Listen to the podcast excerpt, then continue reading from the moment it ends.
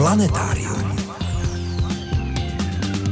Kdy a jak se správně dívat na měsíc a jak zásadní roli při jeho pozorování má hra světel a stínů, nám objasní astronom a znalec měsíce Pavel Gabsdil.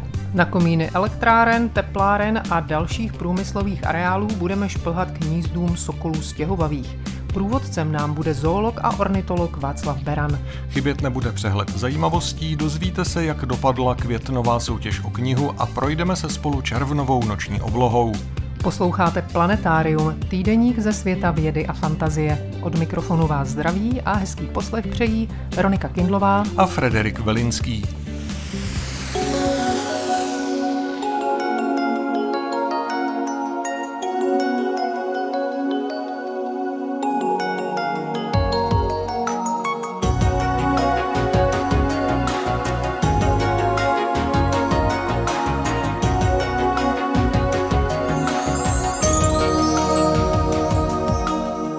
Začneme přehledem novinek a zajímavostí nejen ze servisu ČTK.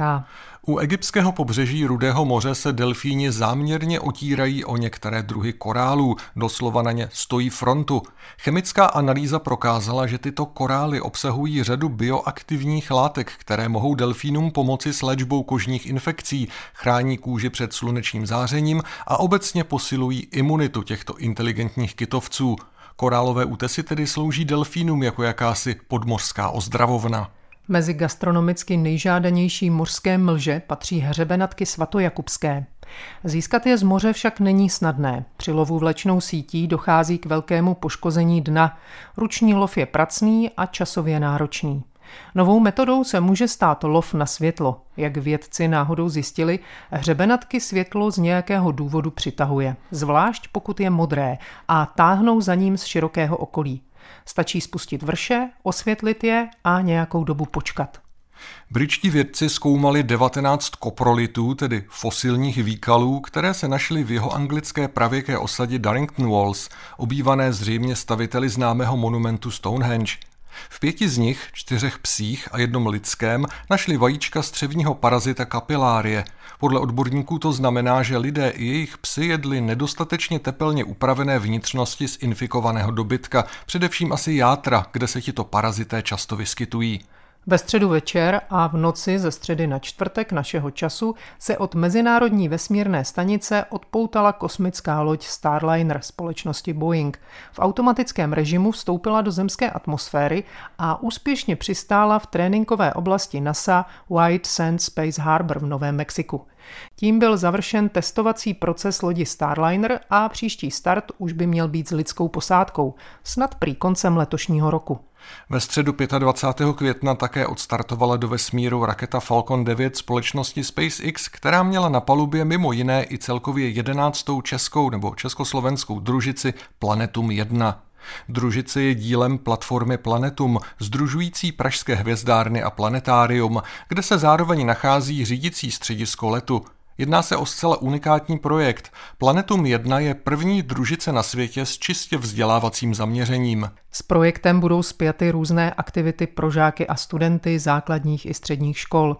Magnetometr a další čidla na družici poskytnou data, která se budou hodit vysokoškolákům do jejich bakalářských a diplomových prací. Na palubě družice Planetum 1 cestuje i první český loutkonaut Hurvínek, který bude s menšími i většími dětmi sdílet zkušenosti z přípravy i samotného kosmického letu. A my už se za chvíli podíváme na měsíc.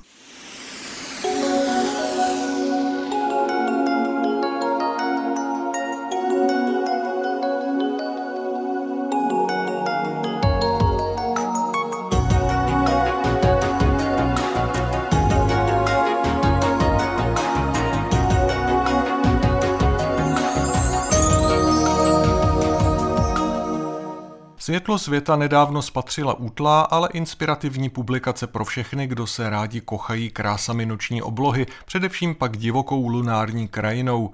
Název má stručný a jasný průvodce po měsíci.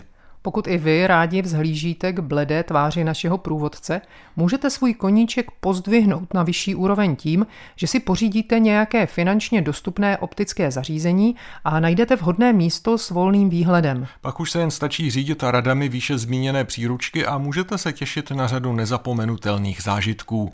Dost podobně se nechal měsíčním svitem zlákat i autor průvodce po měsíci, který je teď naším prvním hostem. Planetáriem vás stále provázejí Frederik Velinský a Veronika Kindlová.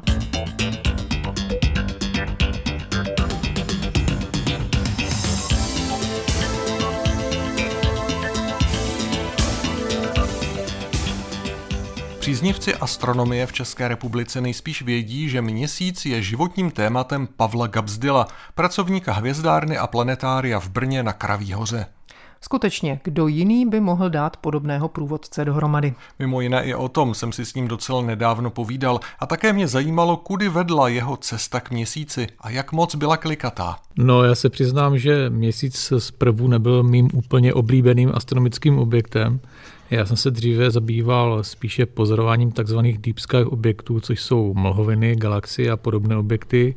Pak jsem se zabýval pozorováním planet, slunce, meteorů, komet a dalších objektů a vzhledem k tomu, že jsem vlastně vyhledával na té obloze takto slabé objekty, tak měsíc byl pro mě spíš nepřítelem, protože tím svým jasným světlem samozřejmě překáží při pozorování takovýchto objektů.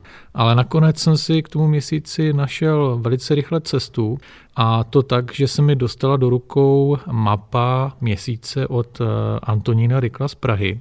A na té mapě si pamatuju, tenkrát byly vyznačeny takové křížky. A já jsem dlouhou dobu vlastně nevěděl, o co se jedná. A pak jsem zjistil, že se jedná o takzvané lunární domy. Což jsem později zjistil, že jsou svým způsobem pozůstatky lunárních sopek. A mě to tak fascinovalo, že jsem pomocí té mapy se snažil ty lunární domy okamžitě na měsíci najít a skutečně se mi to hned ten první večer podařilo. A od té doby mě ten měsíc vlastně nepustil tak jste vytvořil průvodce, který by mohl být vlastně také takovým prvním krokem pro ty, kteří by chtěli začít zkoumat našeho nejbližšího průvodce. Já se přiznám, že přesně to je cíl tady této publikace, i když ona ta publikace na první pohled vypadá jako velmi útlá a taková spíš skromnější, když jsme se snažili, aby vyšla na opravdu velmi dobrém papíře s velmi kvalitním tiskem tak eh, ve skutečnosti zahrnuje poznatky, které jsem střádal o měsíci zhruba 20 let. To je totiž tím, že ta publikace vznikla především na základě pozorování a to bohužel u toho měsíce nejde nějak urychlit, takže musíte buď pozorovat, anebo prohlížet opravdu tisíce fotografií, aby člověk zjistil, jak ten měsíc vypadá. Kdybyste měl poradit těm začátečníkům, kdy a jakým způsobem je nejlepší měsíc pozorovat, co byste jim doporučil? Určitě k tomu člověk potřebuje nutnou dávku trpělivosti, protože takovým tím eh, ovlivňovatelem pozorování měsíce je především zemská atmosféra. A i když je krásné, jasné počasí, když eh, vidíme měsíc vlastně hezky, tak při pohledu dalekohledem to může člověka někdy zklamat, protože se projevuje takzvaný neklid ovzduší. A zvláště když pozorujete měsíc pomocí nějakého většího dalekohledu s větším zvětšením, tak eh, ten neklid obrazu se velice často stává tou největší překážkou při pozorování měsíce. Takže jednak člověk musí mít opravdu trpělivost, musí počítat s tím, že i když je jasno, tak ten pohled dalekohledem nemusí být úplně ideální, ale ve skutečnosti se dá říct, že vůbec nejlepší doba na pozorování měsíce je okolo první a poslední čtvrti. No a vzhledem k tomu, že poslední čtvrť bývá viditelná až po půlnoci, tak pro většinu pozorovatelů je příjemnější právě ta první čtvrť, kdy vidíme měsíc při té první polovině noci. Tam je důležitá hra stínu, je to tak? To je pravda. Tím se vlastně také z velké části zabývá ta publikace. No dalo by se říct, že to je takový hlavní režisér všech těch představení, které jsou v té publikaci zmíněny. Eh, skutečně, jak jste říkal, nejdůležitější je vlastně to světlo, samozřejmě sluneční světlo, a záleží, jakým způsobem na ten měsíční povrch zrovna slunce svítí. No a když se díváme ze Země, tak pro nás je nejdůležitější na tom měsíci to rozhraní světla a stínu. Té oblasti se říká terminátor. Právě na tom terminátoru to slunce svítí opravdu ze šikma, buď tam vychází nebo zapadá a díky tomu všechny i ty nejjemnější detaily, nerovnosti na měsíci můžeme krásně vidět. Bohužel spousta lidí si myslí, že úplně ideální dobou pro pozorování měsíce je samozřejmě úplněk, protože úplně krásně svítí, vidíme vlastně celou přivrácenou stranu, můžeme ho vidět po celou noc, ale dá se říct, že to je jedna z nejhorších fází na výběr pozorování měsíce, protože v tu dobu to slunce na měsíc svítí přímo. To znamená, že veškeré ty plastické detaily smizí, stíny tam nemáme a vidíme pouze světlé a tmavé oblasti na měsíci. Některá místa můžeme na povrchu měsíce vidět pořád, ale jsou některá, která se naopak tak úplně skrývají, objevují se jenom občas. Jak je to možné, když, jak jste říkal, na měsíc nastavuje pořád jenom jednu tvář? O tom se také ta publikace zmiňuje. A je to svým způsobem poslední útvar, který v té publikaci eh, máme a to je moře východní. Jde totiž o to, že měsíc eh, sice přivrací k nám stále jednu polokouli, ale to neznamená, že vidíme pouze 50% jeho povrchu. Eh, ve skutečnosti totiž díky takzvaným libracím, což jsou kývavé pohyby, které měsíc na obloze vykonává, můžeme pozorovat až 59% měsíčního povrchu. To znamená, že občas můžeme při vhodných situacích nahlédnout i na odvrácenou stranu. Ale je to poměrně vzácná záležitost, ne pokaždé se ten měsíc ideálně natočí a zase člověk musí poměrně dlouho čekat, jdeme tomu i několik měsíců, aby se nějaký ten daný útvar na té odrácené straně k nám vlastně natočil a my ho mohli pozorovat.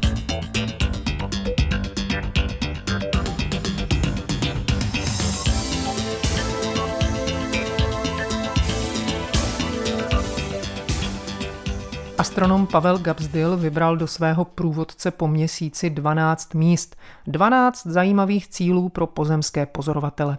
Jaká si pro svůj výběr stanovil kritéria? Jsou to jeho oblíbená místa nebo zkrátka jen objekty, které jsou něčím zvláštní, po případě typické? Ten výběr byl opravdu velmi, velmi náročný. Já jsem se snažil, aby z té plejády těch měsíčních útvarů, které můžeme pozorovat, jsem vybral vždy nějakého konkrétního a velmi typického zástupce. Ona se totiž většina lidí myslí, že na měsíci můžeme pozorovat pouze možná krátery a pouze hory, ale těch typů útvarů je tam celá řada, je jich mnohem víc. Zbytky lunárních sopek, korita vymetá lávou, nějaké tektonické útvary, to znamená praskliny a spoustu dalších typů útvarů. A já jsem se skutečně snažil z každého toho typu vybrat eh, co možná nejlepšího představitele a také samozřejmě představitele, který je v dosahu běžných amatérských dalekohledů. Můžete zmínit pár příkladů? Tak určitě je to kráter Koperník, ten by v té publikaci rozhodně neměl chybět. Já si myslím, že i většina posluchačů tady tento kráter zná, protože to je jeden z nejjasnějších a také nejnápadnějších útvarů na přivrácené straně. Eh, zmiňujeme tam ale i lunární domy, čili zbytky po těch sopkách na měsíci a v této publikaci konkrétně domy u kráteru Arago a dá se říct, že toto jsou vůbec eh, nejvýraznější lunární domy, které můžeme na té přivrácené straně pozorovat. Ale jsou tam třeba i popraskané krátery, čili krátery, které mají nějakým způsobem porušené dno a takovým představitelem v té publikaci je kráter Gassendi. Mimochodem, kráteru Gassendi se občas přezdívá prsten s drahokamem, protože když se na něj člověk podívá za toho ideálního osvětlení, tak skutečně vypadá jako takový prstínek, který má na sobě drahokam, takový menší kráter. Jak jsou ta jednotlivá hesla zpracovaná, co všechno se z nich čtenář doví? Tak jednak samozřejmě představují samotný ten útvar, jakým způsobem ho můžeme najít na tom měsíci. Součástí té publikace je i to, jakým způsobem ten daný útvar vznikl. Na tom jsem si skutečně dal záležet, abych se odprostil takové té velmi odborné geologické hantýrky, abych ty útvary představil pokud možno srozumitelným jazykem. Takže je tam něco i o tom vzniku. Vždy u toho útvaru je i krátká historie o tom, jak získal ten daný útvar své jméno a jak se možná potom čtenáři přesvědčí, tak někdy to byla strastiplná cesta, někdy to byly docela zajímavé příběhy toho jména. A asi vůbec nejpodstatnější částí potom každého toho představení toho útvaru je ukázka nebo vysvětlení toho útvaru, jak se mění v průběhu lunárního dne. A tady v tomto případě si troufám říct, že to je vůbec první publikace tohoto druhu, která skutečně velice precizně popisuje ten daný útvar od svítání přes poledne po západ slunce. A jsou tam opravdu k tomu velmi podrobné časové údaje, takže když si člověk přečte, jak třeba vypadá kráter Koperník v této publikaci za daného osvětlení, tak tam má ten přesný časový údaj a pokud se na něj podívá dalekodem, tak přesně tak ho uvidí. Kromě fotografií obsahuje průvodce po měsíci od Pavla Gabsdyla také kresby některých lunárních útvarů. Možná to pro vás bude překvapení, ale kromě pozorovatelů a fotografů měsíce skutečně existují i jeho kresliči. Jejich práce jsou mnohdy působivější než snímky a přitom jsou velmi přesné. Jak a také proč takové kresby vznikají? Ono je to dáno vlastně historicky, protože dříve než eh, byla fotografie na takové úrovni, jako je dnes, tak eh, se samozřejmě pozorovatelé snažili nějakým způsobem zachytit ten vzhled měsíce a k tomu samozřejmě byla nejlepší ta kresba. Ale je to bohužel docela pracné a zvláště u toho měsíce je tam jedna taková nevýhoda. Pokud totiž pozorujeme tu danou oblast v momentě, kdy přes ní přechází ten terminátor, tak se ta oblast velice rychle mění. Musíte jednak kreslit pokud možno co nejprecizněji, ale taky rychle, aby se vám ta zachycovaná scéna vlastně před očima nezměnila. Dneska samozřejmě máme k dispozici digitální fotografii a ta nám umožňuje dělat opravdu precizní snímky, ale jak asi každý pozorovatel, který má nějaký větší dalekohled, dá zapravdu pořídit opravdu velmi kvalitní, detailní záběr měsíce není vůbec jednoduché a to právě s ohledem na ten neklid ovzduší. A tady má právě ta kresba jaksi navrh, protože zatímco ten fotoaparát udělá ten snímek v jednom jediném okamžiku, a pokud ten okamžik je zrovna ten, kdy se ta daná oblast díky neklidu ovzduší rozmaže, tak máme vlastně smůlu. Ale naše oči dokážou samozřejmě kontinuálně sledovat tu oblast a vybírají si ty okamžiky, kdy je ten obraz ostrý a vy potom můžete nakreslit opravdu velice detailní pohled na ten měsíc. Ale jak jsem říkal, je to samozřejmě velmi, velmi pracné a jde tam o čas. A jak se to dělá? To má člověk jedno oko na okuláru a druhé oko sleduje papír, nebo jak se to provádí? Každý má na to samozřejmě svoji vlastní techniku, ale já když jsem ještě vlastně kreslil tímto způsobem měsíc, tak eh, vždycky jsem se podíval do okuláru, prohlédl jsem si nejprve detailně tu scénu a pak jsem začal zakreslovat obrysy těch útvarů. A teprve později vždycky pohledem do okuláru jsem zkontroloval, jestli ty obrysy mám správně, jestli je správně vzájemná velikost, vzájemná vzdálenost těch objektů nebo útvarů a teprve potom jsem začal eh, dokreslovat ty eh, jednotlivé detaily. Ale je to skutečně práce, dejme tomu na několik desítek minut u toho samotného dalekohledu a dotvoření té kresby může trvat i několik hodin. Pokud se někdo pořídí vašeho průvodce, tak to může být pro něj takový první krok k pozorováním měsíce a pak se možná bude pídit po nějakých podrobnějších publikacích. Existují nějaké, řekněme, podrobnější, už jaksi fundovanější a taky složitější na pochopení knížky?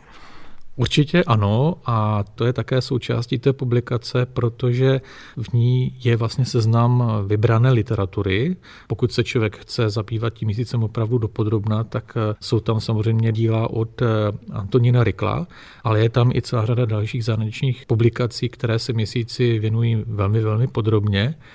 A součástí té publikace je také to, že pokud e, jsou tam zmínky o nějakých konkrétních údajích, tak je vždy uvedena citace na danou e, vědeckou práci. Takže člověk může skutečně tu publikaci považovat za takovou stupní bránu do poznávání měsíce a velice snadno potom může překročit na tu vyšší vlastně úroveň toho poznávání měsíce. A dá se tím pozorováním ze země pořád ještě objevit na měsíci něco nového nebo nečekaného? Trochu jsem se bál, že se na to zeptáte, protože odpověď je svým způsobem ne. Člověk by musel mít eh, opravdu velké štěstí, aby zahlédl pomocí toho dalekohledu ze země něco, co by bylo natolik významné, že by to bylo zajímavé pro samotný výzkum měsíce. Musel by to být například vznik nějakého kráteru, ale to je velmi, velmi málo pravděpodobné. Dnes už měsíc máme velmi detailně fotograficky zmapovaný a potom si člověk právě může říct, no tak proč bych měl vlastně pozorovat ten měsíc, proč bych ho měl zkoumat. Je to jednak z toho důvodu, že můžete být samozřejmě svědky něčeho mimořádného, ale jednak proto, že eh, na tom měsíci se skutečně odehrávají velice zajímavá stínová představení a ona můžou někdy trvat i několik málo minut. Takže člověk musí mít velké štěstí A já si troufám říct, že některé ty okamžiky na měsíci, které člověk pomocí dalekohledu spatří, můžou být eh, dokonce zážitkem na celý život, protože to jsou opravdu velmi krásné pohledy a jsou velmi prchavé a málo kdy člověk může je pozorovat. Takže to je takové objevování pro sebe především. Přesně tak. Svého průvodce po měsíci vám představil a k pozorování lunární krajiny se vás pokusil zlákat astronom Pavel Gabsdil z Brněnské hvězdárny a planetária. Průvodce si můžete pořídit na českých i moravských hvězdárnách a od příštího týdne si o něj budete moci zahrát i v naší soutěži.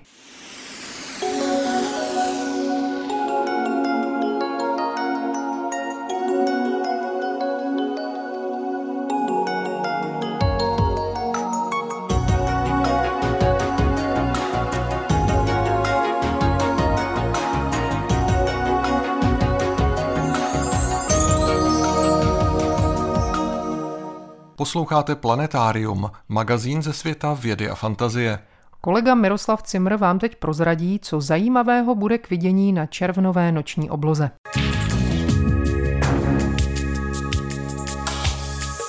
Červnovou procházku oblohou už můžeme počítat k letním, protože 21. června v 11 hodin 14 minut středoevropského letního času slunce vstoupí do znamení raka a letním slunovratem začne astronomické léto. Noci jsou kratší, což znesnadňuje pozorování. Slunce totiž klesá čím dál míň pod obzor. Výhody přídomku letní ovšem také nejsou k zahození. Pod hvězdnou oblohou je nám přece jen tepleji.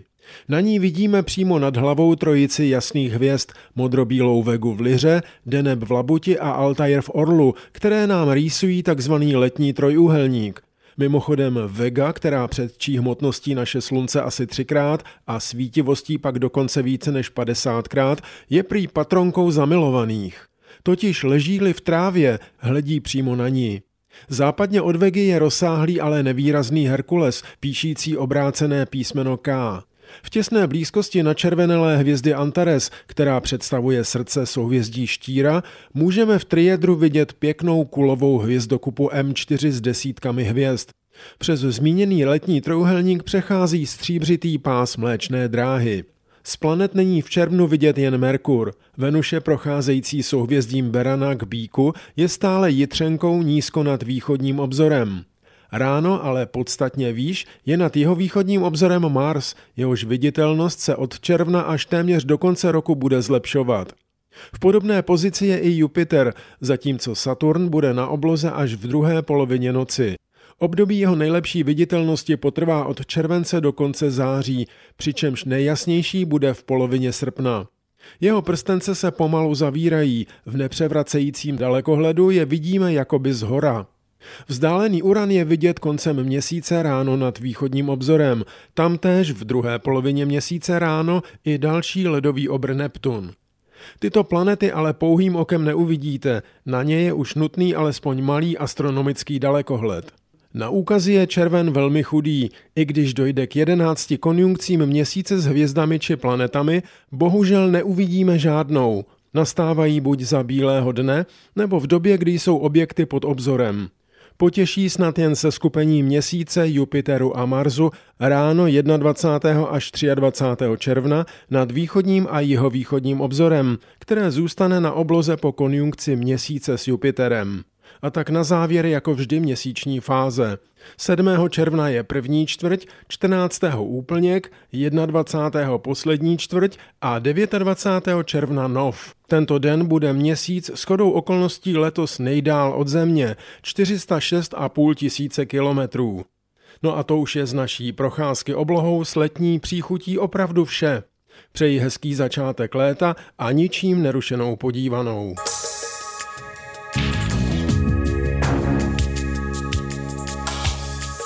Texty pravidelných rubrik najdete v plném znění na našem webu.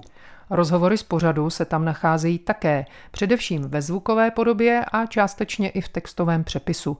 Naše adresa je rozhlas.cz lomeno planetárium. Na webu najdete i naši soutěž. V květnu jsme hráli o knihu Vladimíra Šišky Ufologie jako dobrodružství poznání.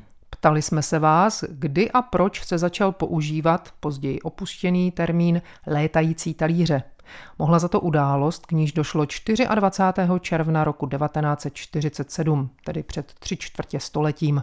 Ten den prolétal americký obchodník Kenneth Arnold se svým letadlem kolem hory Mount Rainier v kaskádovém pohoří v americkém státě Washington.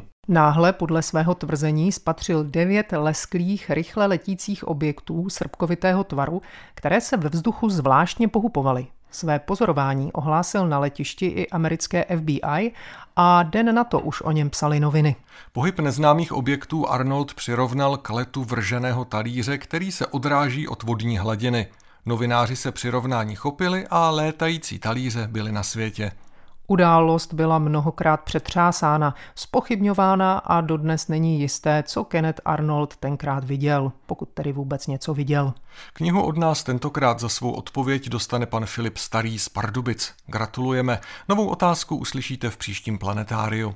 V poslední části dnešního pořadu se budeme věnovat sokolům stěhovavým.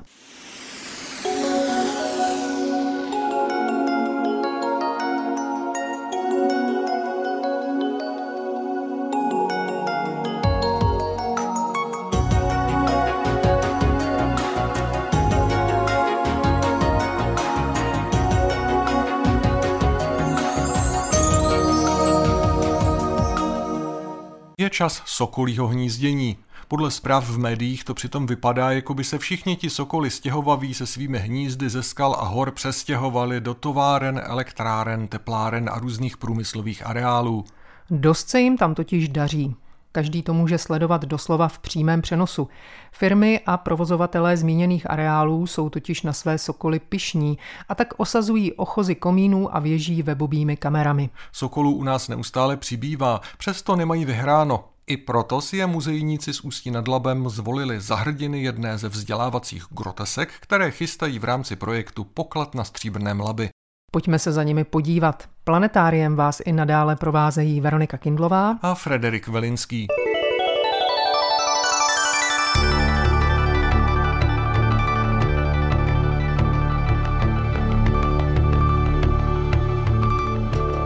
Příroda samozřejmě sama od sebe komíny jaksi neoplývá a tak je na místě otázka, kde hnízdí sokoly tam, jaké vyhledávají lokality. To mi prozradil zoolog a ornitolog Václav Beran, vedoucí přírodovědného oddělení Muzea města Ústí nad Labem. V přírodě u nás v České republice se vybírají skály. Bylo tomu tak asi vždycky v minulosti u nás žádné stromové hnízdění nebylo prokázáno, byť sokoly ve svém areálu, který je kosmopolitní, sokol stěhovavý je jeden z mála druhů, který hnízdí opravdu po celém světě. Velmi často hnízdí i na stromech, často i na zemi, třeba v severských eh, oblastech, ale u nás toto nikdy nebylo potvrzeno a vlastně vždycky přirozená hnízdiště byla na skalách. Kde jsou oblíbená místa hnízdění sokolů ve volné přírodě u nás? Sokol stěhový u nás vyhnul v minulosti a vlastně vrátil se k nám v 90. letech a začal hnízdit v pohraničních pohořích, krkonoších, dále hnízdil v Českém Švýcarsku a postupně obsazoval další pohraniční pohoří, takže Jezerské hory, Jeseníky, to je teď asi jedna z největších bašt sokolů právě na skalách a postupně se začal stahovat i do vnitrozemí, takže dneska na přirozených hnízdištích sokoly najdeme i v Českém ráji, dokonce už i v kanionu Vltavy letos nově. A těch míst přibývá, samozřejmě na Šumavě je také asi sedm nebo osm párů, nově hnízdí také na eh, Jižní Moravě, v Moravském krasu, a letos to poprvé zkoušeli zase po mnoha a mnoha letech na Pálavě. Spousta mláďat se nicméně právě v minulých letech narodila v těch elektrárnách, teplárnách, obecně v různých industriálních areálech, kdy jste jako ornitologové zaregistrovali ten přesun a proč jsou tyhle areály u Sokolů tak populární? Tady u nás v západních Čechách jsme zaregistrovali první páry, které se zdržovaly na stavbách v průmyslových objektech zhruba kolem roku 2007-2008. Bylo to v záluží u Litvínova v areálu Unipetrolu.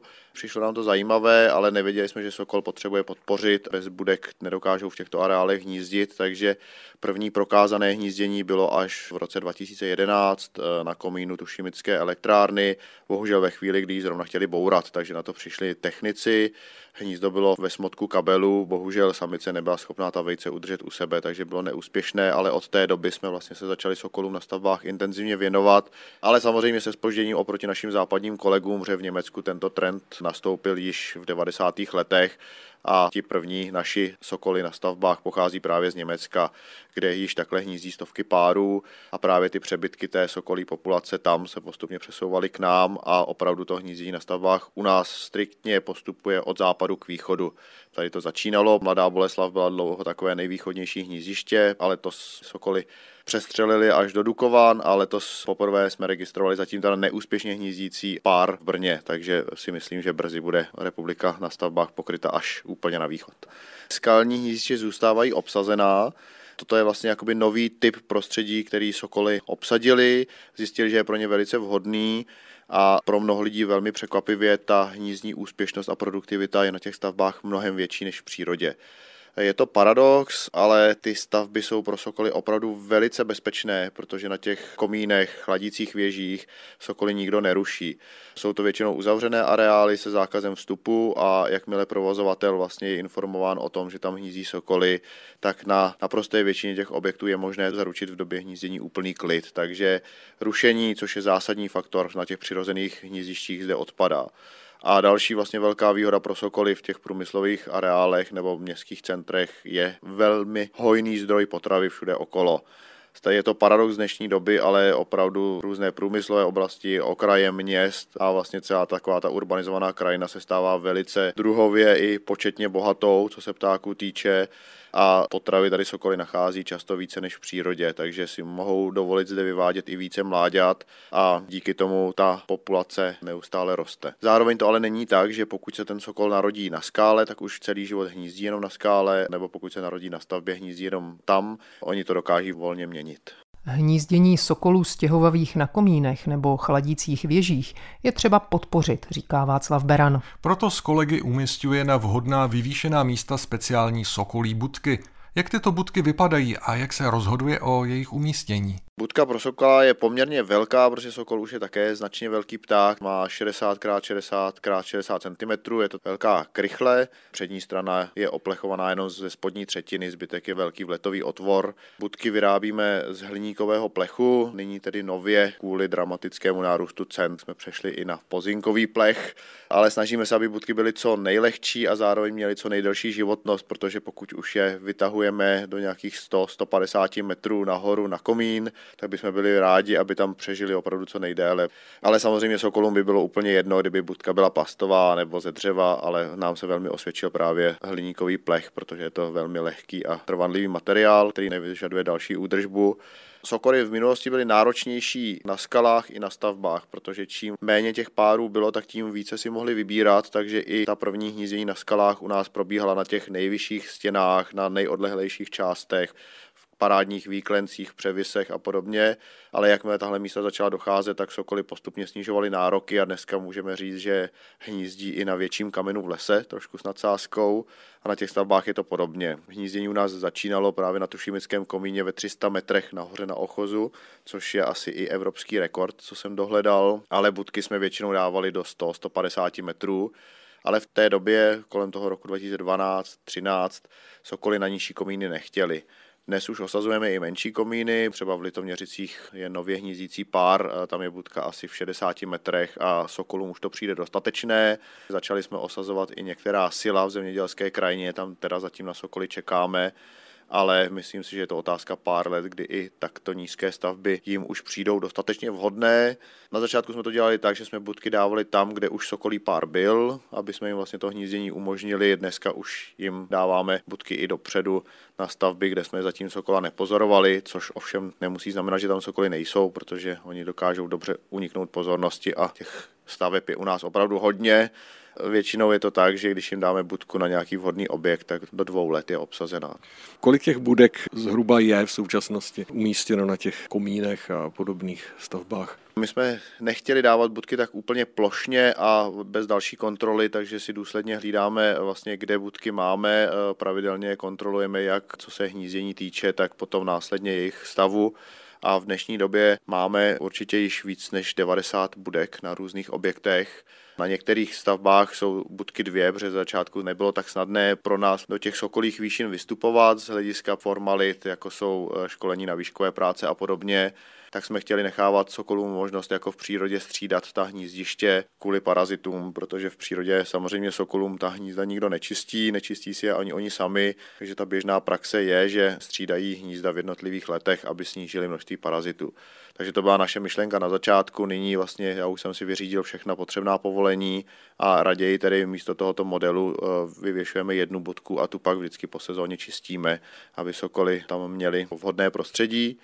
Těch párů je zhruba kolem 40. Jednak některé ty menší stavby nejsou ještě obsazené, jako jsou sila, a na některých objektech jsou budky dvě, ale sokory jsou striktně teritoriální, takže tam jsme ani nepočítali, že by byly dva páry.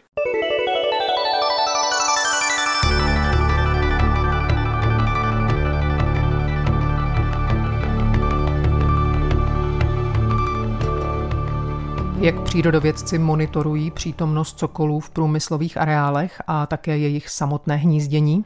Dříve jim museli stačit dalekohledy. Technický vývoj však pokračuje mílovými kroky a díky tomu si polepšili právě i ornitologové, konstatuje Václav Beran. Postupně jsme přidávali na některých objektech fotopasti, což nám velmi usnadňuje hlavně odečítání kroužků, protože na těch stavbách je to velký problém hlavně díky vlnění vzduchu a těm velkým vzdálenostem, na které by bylo potřeba dalekohledem kroužky odečítat. A nyní ve velkém nabíhají kamery u hnízd, protože pro ty firmy Sokol se vlastně stal takovým prvkem, díky kterému mohou dobře propagovat své aktivity v ochraně přírody, ale zároveň je velmi vděčný i pro vlastní zaměstnance, případně obyvatele okolních obcí a měst. A je to velmi populární sledovat ten průběh toho hnízdění na kameře. V letošním roce byly instalovány nějaké další kamery a myslím si, že už jich máme 8, které jsou od letoška přístupné pro veřejnost a postupně přibývají další. To je pro nás i nejsnažší prostředek, jak ta hnízdiště monitorovat, protože můžete sedět v kanceláři a zjistíte úplně všechno během chvilky. Takže zatímco v minulosti jsme museli opravdu ke každému komínu vyjíždět, třeba hodiny tam čekat se stativovým dalekoledem, než došlo k výměně partnerů, třeba když samec přinesl potravu, bylo těžké zjistit, jestli jsou tam ještě vejce nebo mláďata, jak stará a kamery nám poskytují vlastně úžasné informace, jednak o načasování hnízdění, o průběhu hnízdění, jak se vlastně třeba na péči podílí samec, ale dokáží nám vlastně odhalit i velmi zajímavé aspekty, které bychom jinak vůbec nezjistili. Třeba letos ve Spolaně Neratovice samice sežrala vlastní vejce, což nás velmi zaujalo. Nebo v záluží u Litvínova jsme pozorovali útok cizí mladé sokolí samice, která se narodila loni v Mladé Boleslavi a prostě si zalétla do záluží, do budky a tam zabila jedno ze dvou mláďat. To jsou informace, které bychom jinak bez těch kamer vůbec nebyli schopni zjistit. Sledování sokolů znamená tedy, že musíte okroužkovat, to znamená vylézt na komín. Kolikrát za sezónu průměrně ke každému hnízdu šplháte? Každý rok eh, je těch komínů víc a víc a těch výstupů také. Pokud všechno běží tak, jak má, tak na ten komín je ideální vylézt třikrát ročně. Eh, na jaře tam nainstalovat fotoplast, což teda odpadá u těch hnízd, kde máme kamery. Když máme to hnízdo dobře podchycené, tak tam potom vylezeme okroužkovat mláďata. Když kamera nebo fotoplast nefunguje, případně jsme podcenili monitoring, tak se může stát, že se tam leze dvakrát, protože třeba mláďata jsou ještě příliš malá a potom obvykle v létě na podzim se leze k budce, aby se vyčistila a připravila na další hnízdění. Takže jsou to dva až tři výstupy ročně ke každé budce, kde sokoly hnízdí a těch výškových metrů po komínech je opravdu už hodně. Letos už jsem na víc než 4 kilometrech. Asi to není e, úplně práce pro člověka, který by trpěl závratí. To rozhodně ne. E, je dobré se tam výšek vůbec nebát. E, samozřejmě není to nic extrémně náročného, prostě se leze jenom po žebříku Tady je hlavně nejdůležitější opravdu se nebát výšek, být v pohodě uvolněný a být v dobré fyzické kondici, protože ze spoda to tak nevypadá, ale těch 100-150 metrů kolmo nahoru eh, je pro mnoho lidí velmi náročných a uvědomuji si to právě často, když na kroužkování chce být přítomný nějaký fotograf nebo kameraman a leze potom se mnou nahoru, tak často ten výstup trvá třeba hodinu, byť pro mě to je 7-8 minut. Neskušený člověk se tam potom hodně zapotí a myslím, že z toho může mít i celoživotní zážitek. Zážitek. Když už jste u toho hnízda a kroužkujete, jak na to reagují e, ti dospělí ptáci a potom mláďata už taky mají asi ostré zobáky a pořády, tak to může být docela zážitek. Dospělí sokoly obvykle reagují poměrně bouřlivě, hlasitě křičí a proletují okolo. I tady vlastně můžeme krásně pozorovat tu individualitu těch eh, jedinců různých druhů v přírodě. U těch sokolů je to krásně vidět. Máme samice, které jsou opravdu velmi agresivní a nebojí se vlastně naletovat velice blízko.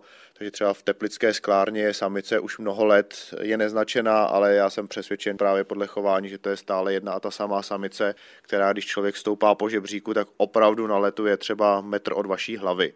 Tam je velká výhoda, že okolo toho žebříku je ochranný koš, který brání tomu, aby ta samice opravdu zautočila, takže člověk může lézt v klidu, ale je to silný zážitek, když vám sviští prostě sokol vysokou rychlostí, třeba kolem 100 km v hodině přímo kolem hlavy Jakmile člověk pak vyleze na ochos, tak ta samice už nejde tak blízko, většinou si drží odstup 2 až 3 metry, ale neustále létá okolo.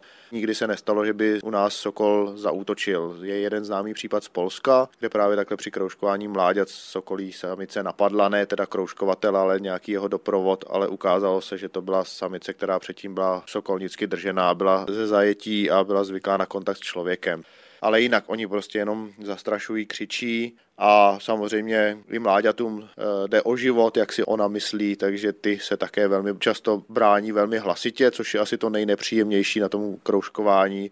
Pokud všechna čtyři mláďata v budce začnou hlasitě křičet, tak je to na špunty do uší a podle toho, jak jsou stará, tak se snaží i bránit drápy a zobáky, ale není to žádné drama, takže jde to zvládat bez rukavic, občas s kapkou krve, ale není to opravdu nic dramatického. Dramatická však podle Václava Berana může být budoucnost sokolů na našem území. A to přesto, že od roku 1993, kdy se k nám vrátili, jejich počty stále rostou. Letos si myslím, že budeme na nějakých 140, možná 150 párech. Evidujeme stále nové páry, takže si myslím, že ten nárůst tam opět bude. Jsem za to velice rád. Eh, nějakou dobu jsme to brali jako samozřejmost, ale teď se ukazuje v okolních zemích, že nám to nemusí vydržet dlouho. V některých zemích došlo opravdu zase zpátky k prudkému poklesu té sokolí populace. 140 párů na celou Českou republiku je poměrně malé číslo. Pokud se pohybují populace ve velikosti stovek párů, eh, je velmi snadné zase je přivést k úplnému kolapsu. Takže já jsem velice rád, že populace roste, ale stále nabádám k opatrnosti a k tomu, že tu ochranu stále sokolí sokoly velmi důsledně potřebují. A teď jakým způsobem chcete sokoly představit v rámci svého projektu Poklad na stříbrném labi? Poklad na stříbrném labi je projekt, který právě propaguje problémy v ochraně přírody tady v okolí Ústí nad Labem a sokol je takový ikonický druh, který jsme se rozhodli použít právě i díky tomu, že je velmi známý a mediálně velmi vděčný, takže eh, bude zakomponován Sokol v jednom z dílů vzdělávacích grotesek, které chystáme. Tam bude s náčelníkem Vinetu Sokol plnit důležitou funkci, nechte se překvapit, co to bude, ale vlastně chceme i upozornit na to, jak je důležité se chovat tiše a nerušit eh, sokoly a i další druhy v přírodě. Nejen, že tam ukážeme sokola na stavbách, ale chceme právě i poukázat na to, že ta skalní jsou velice ohrožená a lidé, byť samozřejmě velmi rádi tato místa vyhledávají pro zážitky krásné z přírody, z krásného výhledu, tak by si měli uvědomit, že zatímco nám jde o zábavu, tak těm druhům, co tam hnízdí, jde o život. O hnízdění sokolů stěhovavých jsme si povídali se zoologem a ornitologem Václavem Beranem z Muzea města Ústí nad Labem. Chcete-li sami nahlížet sokolům do hnízd, navštivte web sokolynakomínech.cz a to je pro dnešek všechno. Loučí se s vámi a krásný zbytek víkendu vám přejí Frederik Velinský a Veronika Kindlová. Naslyšenou za týden. Planetárium. Planetárium, magazín ze světa vědy a fantazie, přináší každý týden rozhovory s odborníky či popularizátory vědy, nabízí aktuality, pravidelné rubriky a také soutěž o zajímavé publikace. V podobě zvukové či psané nás najdete i na internetu rozhlas.cz lomeno planetárium. Vydejte se s námi za poznáním.